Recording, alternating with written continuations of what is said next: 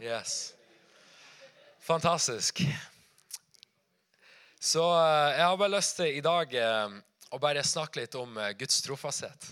Og, og, det er noe som jeg tror for mitt liv er bare sånn, det har virkelig markert livet mitt. Hvordan Gud har eh, tatt ikke bare vist meg gjennom sitt ord og gjennom sitt nærvær og måten han taler til meg på, men også, eh, også gjennom livet. At eh, jeg tror så mange ganger så, så tar Gud oss eh, gjennom ting fordi at han vil at han, vi skal bli kjent med han. Fordi vi, han vil at vi skal få lov til å erfare hvem han er som en far. At vi skal få lov til å erfare hvem han er som, eh, som en gud. At når vi kommer på slutten av livet vårt, så en dag så skal vi stå framfor Gud, så kanskje vi kan si å, jeg visste lite grann jeg visste litt av din godhet, Gud. Jeg visste litt av, din, av din, eh, hvor skjønn du er. Som vi sang det, Gud, din skjønnhet slår meg over ende. Men da skal vi se styk, da, nå ser vi stykkevis og delt. Med en gang så skal vi se fullt ut. Men at på denne jorda her så kan vi få lov til å ha som mål, som mål i vårt liv at Gud, jeg har lyst til å kjenne deg så mye som jeg kan kjenne deg på jorda. Og det er et privilegium det er å få lov til å kjenne Gud og få lov til å tro på en Gud som vi ennå ikke ser. Jesus sa, 'Salig er du hvis du tror og ennå ikke ser', sa han til Thomas. Men fremdeles i sin godhet så kommer han og så viser han de åpne sårene til Thomas. Og sier at det var, det var med hele tida. Jeg har lyst, selv om, selv om du ikke trodde, så har jeg lyst til å gi meg din godhet.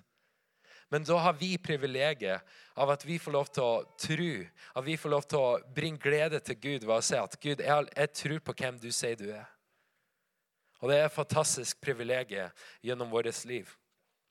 Så Jeg skal bare begynne med dette bibelverset i 2. Timoteus 2,13. Så står det at hvis vi er troløse, forblir han trofast. Han kan ikke fornekte seg selv. Hvis vi er troløse, forblir han trofast. Han kan ikke fornekte seg selv. Tenk så fantastisk. Vi kan, sånne, vi, kan, vi kan, bare lese det nå, og så kunne vi ha lest det igjen og igjen og igjen hele dagen. Så kunne vi kanskje ha fått litt åpenbaring på hvor trofast faktisk Gud er. Han sier at til og med når vi er troløse, så er han trofast. I Det gamle testamentet så, så, viste, så, fikk han en av profetene til å gifte seg med, med en prostituert fordi han ville vise hvordan, hvordan hans hjerte var i forhold til israelsfolket. At de hadde gått fra han gang på gang på gang, men fremdeles så sa han at nei. Som, som denne profeten her gifta seg med en prostituert, så trofast er jeg. Jeg vil vise min trofasthet. At Uansett hvor langt bort mitt folk går, når jeg har gitt mitt løfte om at jeg har sagt at jeg elsker dere, jeg har gitt min sønn for dere, så vil han alltid være trofast. Og Det er fantastisk å tenke på at Gud Wow, du, I min, all min, eh, alle mine mangler, alle de gangene jeg har svikta, føler at jeg har svikta og feila, så er du trofast gang på gang. Og eh, Det var en sånn eh, historie Eller eh, en gang eh, Jeg bodde oppe i Tromsø, var meg og Ungdom i oppdrag, eh, og vi jobba med konfirmanter der oppe. og i den tida så, så hadde jeg nettopp ja, gjort sånn DTS, som eh, noen av dere er kanskje kjent med. Eh, og jeg hadde sagt at ok, jeg har lyst til å komme opp til Tromsø. Var, det var to, eh, to, gifte par og meg som var i 20-årene. Så var fantastisk å få lov til å være i et sånt miljø. Eh, og vi, vi, hadde masse sånn konfirmantarbeid og sånne ting. Eh, og jeg husker eh, en gang så, så satt jeg Vi hadde ja, vi hadde jo ikke så mye å gjøre, egentlig, for det var bygd på 1800 stykker oppe i Troms. Og det var de to gifte parene, så jeg hadde liksom ikke så mange, mange, å henge med heller. alltid. Så jeg hadde litt tid. Så jeg brukte egentlig eh, en del tid på å bare lytte på taler og sånne ting. Så jeg fant YouTube, begynte å lytte på forskjellige taler. Eh, og så den ene taleren som jeg, jeg tror Den uka husker jeg, jeg hørte på tre taler. Den ene var Todd White, en, eh, en amerikaner som ja, Eh, kanskje dere har hørt om han. Eh, og så er andre Brian Brent. Eh, og Det er liksom to veldig forskjellige folk. Veldig forskjellige eh, liksom, kirkesamfunn. Veldig forskjellige eh, eh, ja, greiner. Og så, og så, fortalte begge de her om i, i sin, midt i talen sin, så fortalte de om en historie der de fikk en mulig, eller de hørte om en, så, en skole som Reinhard Bunke skulle gjøre. Så Hvis dere har hørt om eh, Reinhard Bunke, så er Afrika-evangelist. Han har sett mange millioner De ser liksom millioner og millioner på møtene sine. Eh, og liksom så mange så, eh, tegn og undre og fantastiske ting som skjer eh, med, gjennom bare den tjenesten som Gud har lagt på hjertet hans. Men så i hvert fall så, så, kom han til de forskjellige plassene. Jeg tror Én var i Australia, andre i USA. Og da skulle liksom, Det var en sånn skole for evangelister. At de skulle trene opp evangelister. De skulle ja, ha undervisning med han Reinhard Bunke. Eh, og så fortalte begge de her folkene her en historie om det. At de begge hadde vært eh, egentlig ikke hadde liksom Omstendighetene hadde ikke sagt at de skulle komme inn. At, eller liksom, Det var 300 stykker. Det var liksom spesielt inviterte fra forskjellige plasser. Eh, og, eh, og, begge fortalte denne historien om at jeg egentlig så, eh, så var jeg ikke invitert, jeg kom ikke inn, men jeg følte at Gud sier at jeg skulle dra dit. Så tenkte jeg, Det var veldig rart at liksom, i deres eh, tale så hadde begge delt den historien. tenkte jeg. det var merkelig. Og så eh, fortsetter litt, og så hører jeg eh, han der ene, Todd White, han deler om en mann som heter Daniel Colenda. Og Det var liksom, det er sånn arvtakeren til Reinhard Bunke. Så jeg bare gir dere litt detaljer for å henge med på historien her. Eh, arvtakeren til Reinhard Bunke. Og, eh, og, så tenkte jeg bare jeg har aldri hørt om han. Så, så bare søkte han opp på Facebook. Eh, og så plutselig så var det en sånn eh, annonse der det sto liksom eh, 'Evangelistskole med Reinhard Bunke i Nederland om to Eller liksom høst, eh, mai. Eh, slutten av april, begynnelsen av mai 2014. Så tenkte jeg bare Det var rart. Det var veldig rart. Ok, Nå har jeg hørt de her to folkene her snakke om den historien. Og så, bare, og så skulle de ha det om liksom, bare et par-tre måneder. Eh, og så tenkte jeg bare Hæ? Det var, det var merkelig. Og så begynte jeg å kjenne liksom at Gud tok litt i hjertet mitt. Eh, på bare sånn her, å, Jeg fikk, fikk, liksom lyst til å være med. Eh, og Så sto det på den, eh, det på den søknaden at ja, vi tar inn 300 stykker fra, fra liksom hele verden. Det skjer én gang i året, og det her er for liksom evangelister. Og så, og så tenkte jeg ah, jeg, kan jo, jeg kan jo søke. og, så, og så satte jeg meg ned før jeg søkte, så spurte jeg bare Gud vil du at jeg skal dra. Vil du at jeg skal dra på det her? Og så Plutselig så datt det en bibelreferanse ned i hodet mitt. Eh, jeg tror det var liksom Nehemaya 14-18, et eller annet sånt. Jeg husker ikke akkurat. Men så, eh, så slo jeg opp i det. Og så Hele bibelverset var Og Gud talte igjen og sa. Det var hele bibelverset som sto da jeg søk, eh, søkte opp på det. Og så, og så bare følte jeg inni hjertet mitt gå. Og Gud talte igjen og sa gå. Og jeg husker at Den uka så hadde vi, eh, så hadde vi fasta på den, eh, på denne her basen her, med UiO-basen. Og, og liksom, vi var, på, vi var, på, toppen, vi hadde fasta, vi hadde liksom brukt ekstra tid å be. Vi hadde kjent oss i salvelsen, alt det der. Og jeg liksom, hadde så mye tro på at wow, Gud, du kan virkelig gjøre det her. Du, jeg føler virkelig at du sier at jeg skal på denne skolen her. Og så, eh, og, så, så, og så, begynte jeg å se litt på omstendighetene. Så så jeg ja, det kosta ja, 450 euro. Bare for skolen. Det var uten reise, uten mat og uten bo. Så jeg bare tenkte oi, det var litt, eh, det var litt dyrt. 450 euro, så ca. 4000 kroner. Eh, og så sto det liksom at Reinhard Bunke han skal personlig be og lese gjennom søknaden til hver enkelt. Jeg bare wow, jeg er 20 år, jeg jobber med konfirmanter i norske kirke. det var det jeg liksom gjorde. Så begynte jeg, så for jeg til lederen min og spurte hei, hvis, hvis, blir med, eller hvis, det er mulighet for å bli med på det her, kan jeg få lov til å reise? Ja, vi har ikke så mye som skjer da, så bare reis. Eh, og så begynte jeg å skrive inn søknaden. Så skrev jeg eh, liksom, ja, bare om eh, evangelisttjenesten min, da. eh, og jeg kjente liksom at ah, nå har jeg tro. Nå, nå fungerer det her. Eh, jeg kjente bare den dagen at det her, det her, kommer til å gå bra. Gud kommer til å få, eh, gi pengene eh, og forsørge få for pengene. Han kommer til å sørge for at jeg kommer inn. og på det tidspunktet så hadde jeg kanskje 200 kroner på kontoen. men i hvert fall Eh, så, så gikk nå tida litt. Og eh, jeg husker dagen etter så Vi hadde tenkt å faste i fire dager, tror jeg. Og så hadde jeg fastet to dager, og så brøt jeg fasten en dag før. Og jeg bare sånn der Å nei, jeg har brutt fasen, Gud.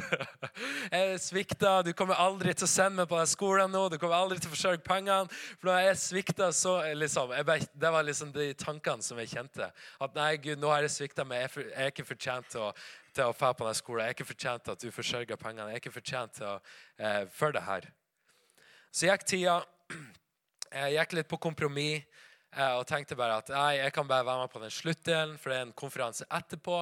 Og den er åpen for alle, og den koster 20 euro. Så jeg gikk helt på kompromiss på at jeg kan i hvert fall være med på det, så får jeg i hvert fall litt av det Gud har for meg. Så husker jeg at uh, tida gikk. Uh, og så tre uker før så hadde jeg nesten gitt opp, uh, gitt opp å være med på denne skolen. her. Og Tre uker før så plutselig fikk jeg en e-post som sa at velkommen, du har blitt akseptert på uh, School of Evangelism with Rena Punky. Vennligst, vennligst betal innen tre dager. og jeg husker første reaksjonen min. Eh, for jeg var, eh, studerte deltid, så jeg bodde, bodde, hos noen venner i Oslo. Første reaksjonen min var å begynne å gjøre oppvasken hos de. Fordi at jeg følte at jeg måtte gjøre meg fortjent til det Gud hadde gitt meg. Jeg følte at jeg måtte gjøre meg fortjent til at Gud, skal du forsørge for meg nå? Så begynte jeg å gjøre oppvasken, så husker jeg bare Nei, det her blir for dumt. Jeg kan ikke gjøre det her i, i, en, i en, tankegang på at jeg skal gjøre meg fortjent til det Gud du har for meg. Og jeg bare visste med, i det øyeblikket at Gud, det her er bare av din nåde. Det her er kun av din nåde. Jeg kan ikke gjøre meg fortjent til noe. På på dette tidspunktet så hadde jeg kanskje 300 kroner på kontoen. Fantastisk. og, eh, og, jeg husker at eh, jeg bare hadde, jeg hadde litt sånn fred eh, i, de, i, de, tre dagene. Og jeg bare kjente litt sånn der at det her kommer til å gå bra, egentlig. Og så, fikk, så, følte jeg liksom ikke Jeg vet ikke, jeg er litt For å være helt ærlig, så, som person så er jeg litt sånn eh, uh, Ja, hva skal jeg si ikke, jeg bare jeg utsetting. Jeg har lett for utsetting. Så, så i de tre dagene så bare, så bare utsatte jeg det helt. For jeg bare sånn, kanskje ikke tenkte helt at Gud du kommer til å forsørge for de 4000 som er bare for, uh, bare for skoleavgiften. Uh, jeg visste ikke hva jeg tenkte. Men så, uh, så kom dagen før jeg måtte betale. Og så bare kjente jeg liksom at jeg tror jeg skal ringe noen liksom familie og venner. Og så bare begynte jeg å ringe og bare spørre hei, liksom, det her er det jeg føler at uh, Gud har lagt på hjertet mitt. Uh, har du lyst til å gi mot det? Og så På en, en og en halv time så hadde jeg fått alle pengene og mer av folk som bare har sagt at ja, det her har vi absolutt lyst til å gi mot. Jeg tror jeg aldri har hatt det så enkelt å på en måte bare spørre om, uh, om folk hadde lyst til å gi mot noe. Og da, Den dagen så ble det bare sånn utrolig ble så overveldet av Guds kjærlighet. At det bare, Gud, Jeg følte jeg hadde feila deg når jeg hadde fasta. Jeg følte jeg hadde feila deg i å tro på at eh, det her skulle kunne gå bra. Jeg hadde bare gått på kompromiss. Jeg hadde følt at jeg hadde feila med, med de her tingene her.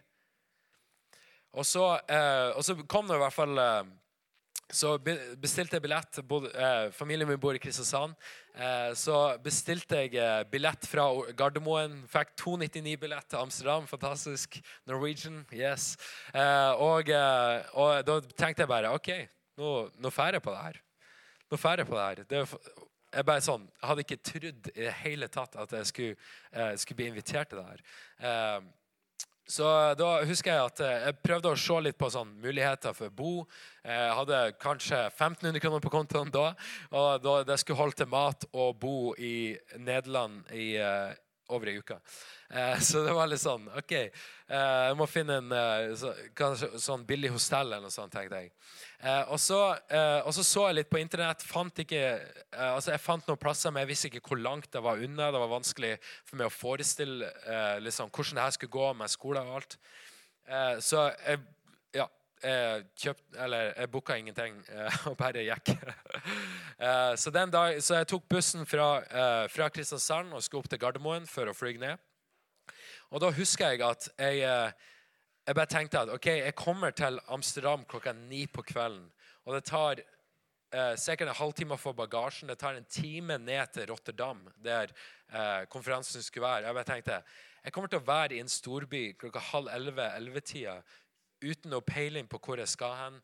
Eh, liksom, jeg bare tenkte oi. Eh, hvordan skal det her gå? Så jeg ba, husker jeg bare ba Gud, kan ikke du gi meg en kontakt i Rotterdam? kan ikke du gi meg en kontakt i Rotterdam? Jeg har aldri hørt om Rotterdam tror jeg, før denne eh, gangen her. Eh, og da satt jeg på bussen. Så satt jeg på bussen mellom Kristiansand og Oslo. Og så sitter jeg der og så bare tenker jeg liksom eh, og bare tenker liksom, Kanskje litt sånn stress, litt bekymringer. hvordan skal dette gå? Så plutselig hører jeg rett over setet mitt så er det en mann som sier Rotterdam til kompisen sin. Han, han nevner Rotterdam i, i, i samtalen. Jeg bare What? Jeg tenkte bare sånn i, i, hodet mitt. Sånn ok, jeg, jeg, er ikke så ofte at jeg har liksom guts til å snakke om Jesus med folk på bussen. I hvert fall ikke da. Men, eh, men når han nevnte Rotterdam, og jeg var på vei dit, så tenkte jeg bare jeg må prate med han fyren der. Og så, begynner, så spør jeg bare Hei, eh, du nevnte Rotterdam. Jeg er på vei dit. Og han bare Ja, ja, ja. Jeg kom dit, jeg kom derifra for uh, to uker siden. Og jeg bare viste liksom, kompisen min uh, bilder på telefonen fra den turen. Og jeg bare sånn her Wow, det er jo sykt kult. Og han bare Ja, jeg har en god kompis i Rotterdam. Og jeg bare oh, OK, kult. og, og, han, han fyren her Ali, Han heter Ali. Uh, han var en kristen. Uh, og De hadde nettopp kommet fra Tvedestrand på en sånn kristen leir med KUFK og KFM, tror jeg. Uh, og Jeg bare sånn her, du, det, jeg husker ikke hvordan samtalen gikk, men i hvert fall så teksta han her fyren, kompisen sin i Rotterdam og bare sier liksom, jeg har en random, tilfeldig fyr på bussen her. Han trenger å bli vist litt rundt i Rotterdam, han trenger plass å bo. Og han bare ja, ja. Jeg møtte ham på, på togstasjonen. Jeg vet, What? Gud, du svarte nettopp denne bønnen her på å få en kontakt i Rotterdam på bussen mellom Kristiansand og Oslo. og det var fantastisk, ja. Eh, og eh, og eh, så fortsatte så fortsatt bare, så bare tenkte jeg wow, det her er jo fantastisk. Så kom jeg, så kom jeg opp til Oslo. Møtte faktisk Det er et et nederlandsk par som jeg kjenner i Ungdom i oppdrag i Norge. og De kjente jeg, og de skulle til Amsterdam på samme flyet den dagen. Så det gikk så lett. De, de viste meg alt av toget. Jeg kom til der, eh, der eh, plakaten der det sto med toget. og Det var liksom, det var sikkert like lang som scenen med små skrift på alle de togrutene som du kunne ta liksom i Nederland. Og jeg bare tenkte jeg har sikkert ikke kommet tidsnok hvis jeg skulle ha begynt å se. Men de var der, og de bare viste meg, og alt gikk så, eh, så, eh, så smooth. Uh, og så husker Jeg jeg kom, fløy ned til Amsterdam. De viste meg, satte meg på rett tog. Og så på toget så ba, så, For jeg hadde ikke peiling liksom, hvordan jeg skulle komme meg fra liksom, hostellet, eller hvor, hvor jeg skulle bo, til um, til denne her, ja, konferansen, der konferansen skulle være, så, så viste han eh, fyren meg eh, hostell, et hostell. Uh, han viste meg et hostell i, i, i Rotterdam. Uh, det var cirka, Ja, kanskje 300 kroner natta. Uh, og, og, så husker jeg bare på veien dit, for jeg hadde snakka med han, han bare sånn, ja, jeg vet om et hostell. Og så, og så husker jeg bare på veien dit Gud, kan ikke du sette meg på rom med noen som er på konferansen, tenkte jeg. Uh, og så tok han uh, fyren her meg til tilfeldig hostellet. Uh, og første person jeg møter, han bare sånn Hi, my name is Daniel. I'm from Australia. I'm here for a conference. jeg bare tenkte halleluja, come on. Og så møtte han Daniel. da, Han er en lege fra Australia som var på konferansen. Og det var to stykker på rommet mitt som jeg ble satt på tilfeldig, som han fyren viste meg, som var på denne konferansen. og bare igjen og igjen og igjen så så jeg Guds trofasthet på det her. Eh, så, nesten, så, var det her liksom 300 kroner natta. Så tenkte jeg bare ja, det holder jo egentlig ikke i uka med 1500 kroner pluss mat. Eh, så jeg bare tenkte ja, jeg tror jeg må finne en billigere plass. Så sa jeg det til ham, eh, og han bare sånn Are you leaving? Og jeg bare sånn Ja, jeg tror jeg må finne en billigere plass. Og han bare Done.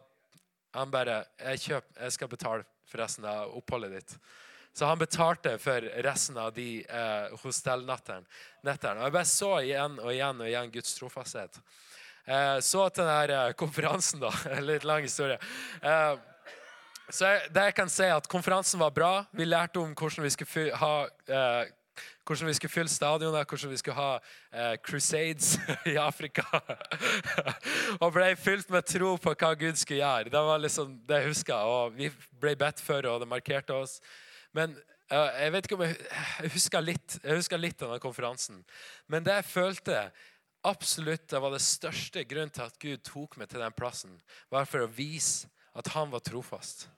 Det var alt det jeg gikk igjennom for å ta, ta meg til denne konferansen. At ok, du skal få lov til å komme inn, jeg skal forsørge for pengene, jeg skal forsørge for en kontakt i Rotterdam, jeg skal forsørge for at det er folk på hostellet ditt som, som er på den konferansen. Alt det her følte jeg bare Gud bare sa at nei, det her var for en livs, eh, livslekse. For at du skulle få lov til å vite hvor trofast jeg er mot deg.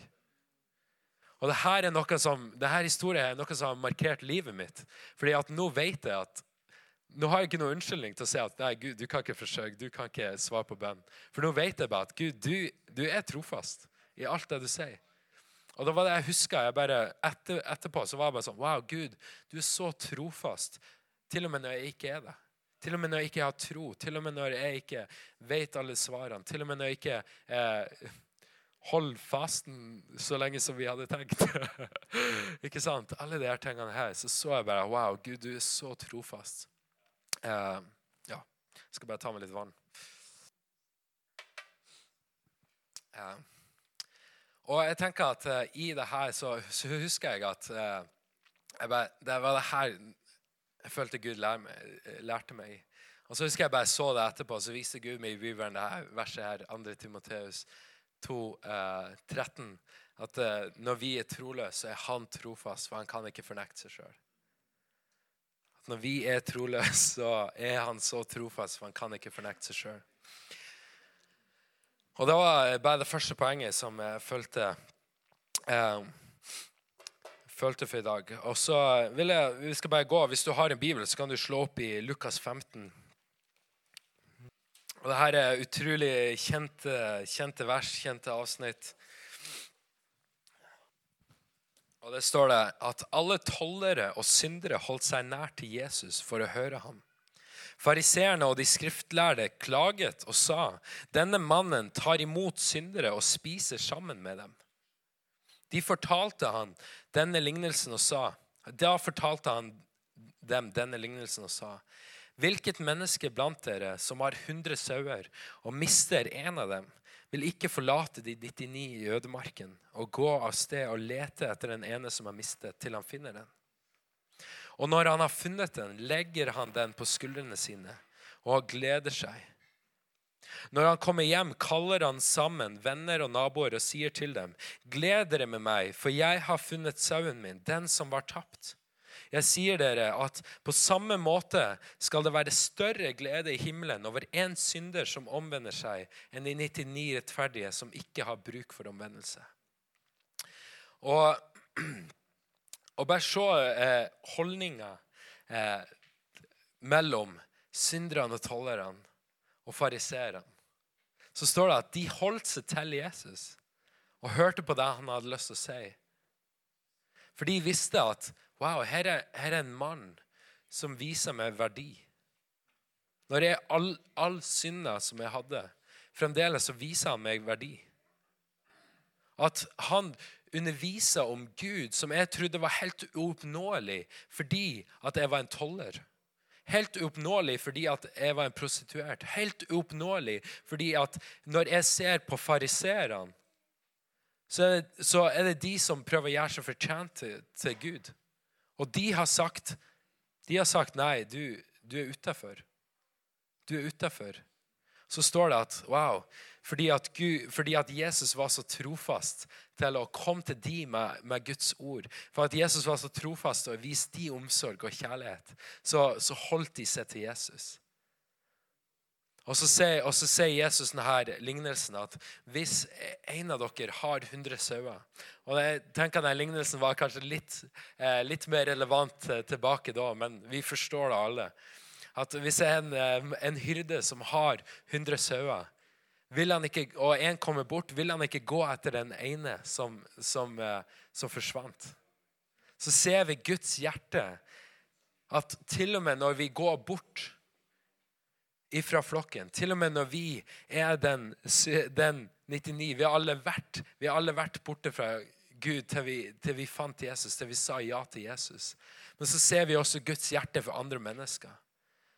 At naboen, han på jobben, hun, hun er på sykehjemmet, eller hva det enn skulle være, Gud er så trofast mot de. Gud er så trofast mot oss, ja.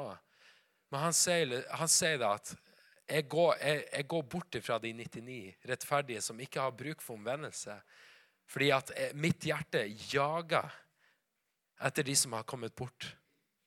Så ser vi Guds hjerte gjennom denne historien her, at, han, eh, at Jesus går ut av veien.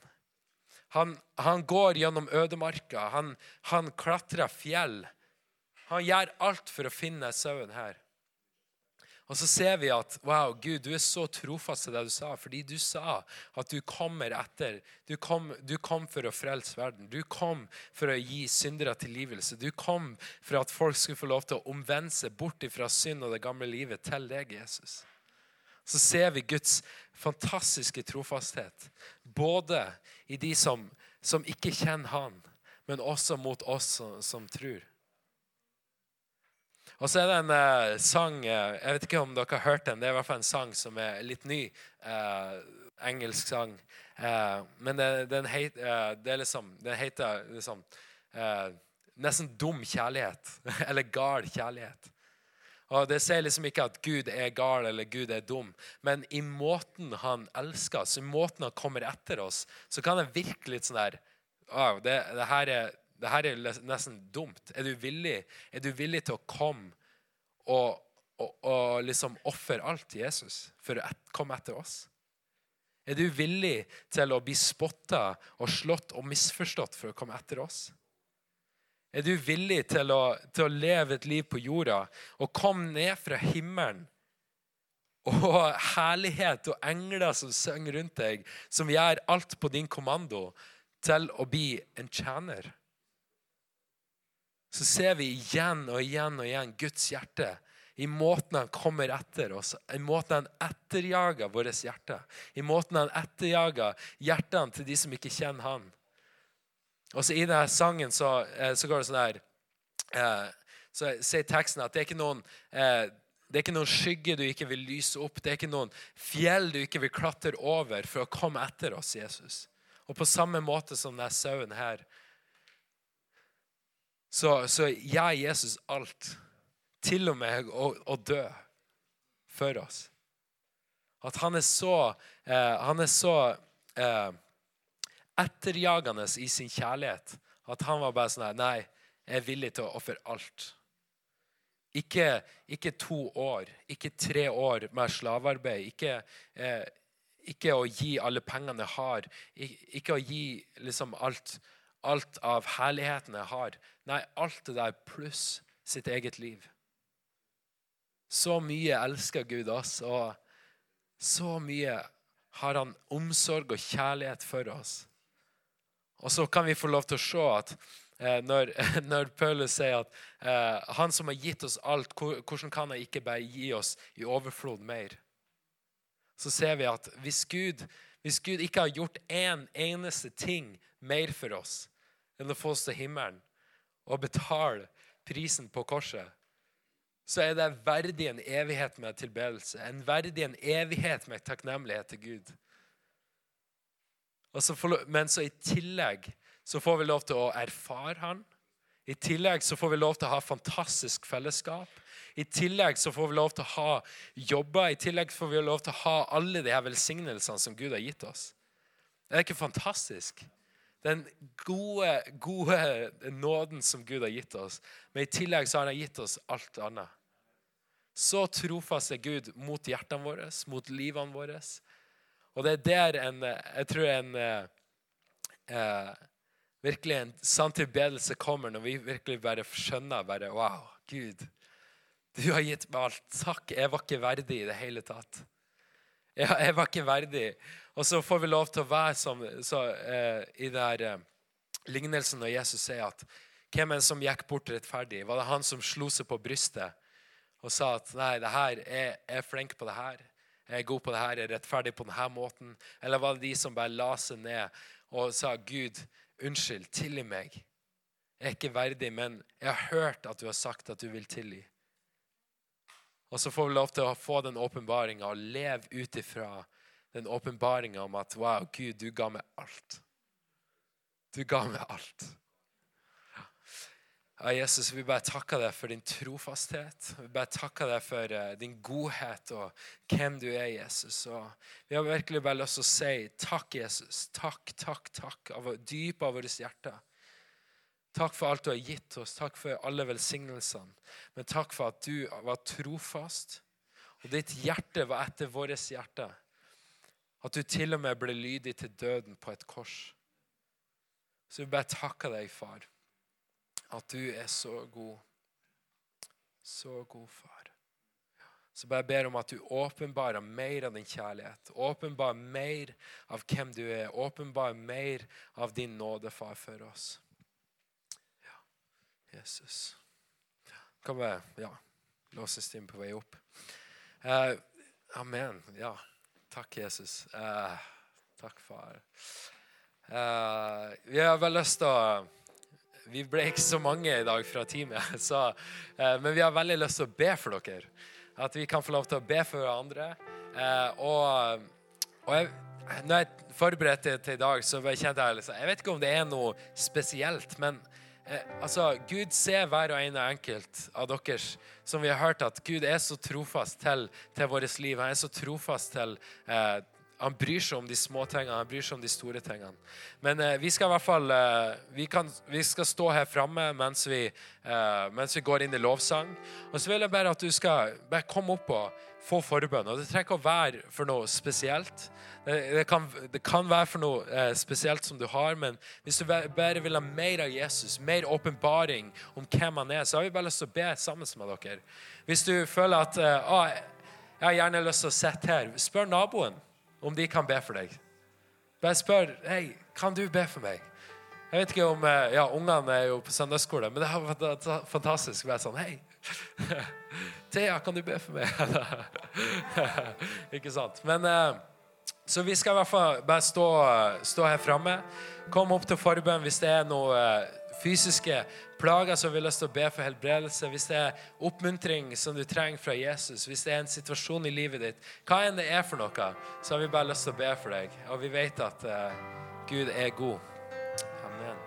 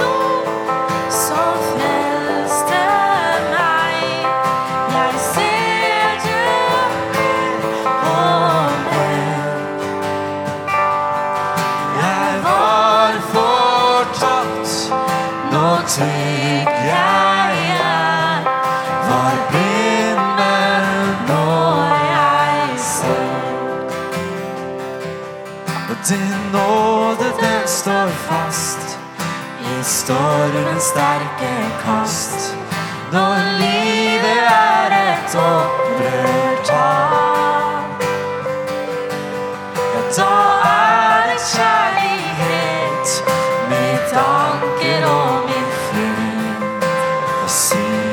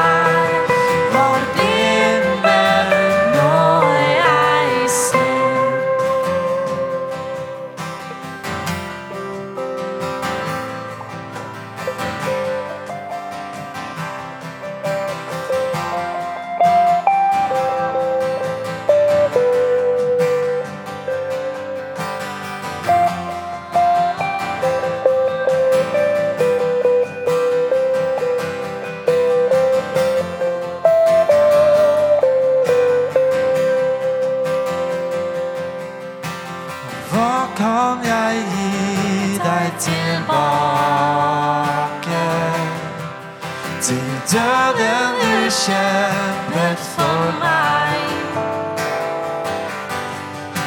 Og du ga meg